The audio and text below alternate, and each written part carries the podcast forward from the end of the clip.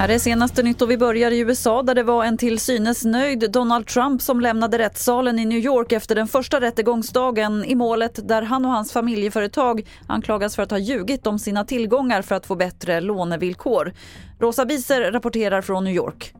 Trump talade där utanför rättegångssalen och var väldigt eh, tydlig med att eh, påstå att han inte alls har begått något brott och att han inte har eh, överdrivit några siffror utan snarare har satt siffrorna lägre än vad åklagaren i det här fallet menar att hans tillgångar är.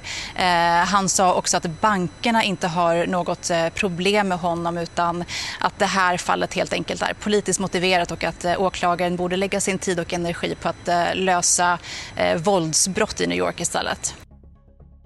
Idag börjar rättegången där fem tonåringar, fyra bröder och en tjej misstänks ha lurat ut en man i skogen utanför Enköping och mördat honom genom hängning. Motivet tros vara hämnd för en påstådd våldtäkt på den då 15-åriga tjejen.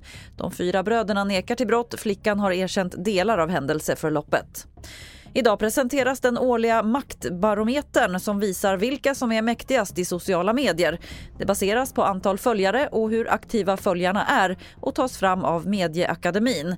Och även i år är det influencers som dominerar listan med humorgruppen JLC i topp. Fler nyheter hittar du på tv4.se. Jag heter Lotta Wall.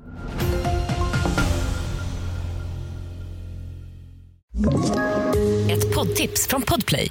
I podden Något Kaiko garanterar östgötarna Brutti och jag, Davva, dig en stor dos skratt. Där följer jag pladask för köttätandet igen. Man är lite som en jävla vampyr. Man har fått lite blodsmak och då måste man ha mer. Udda spaningar, fängslande anekdoter och en och annan arg rant.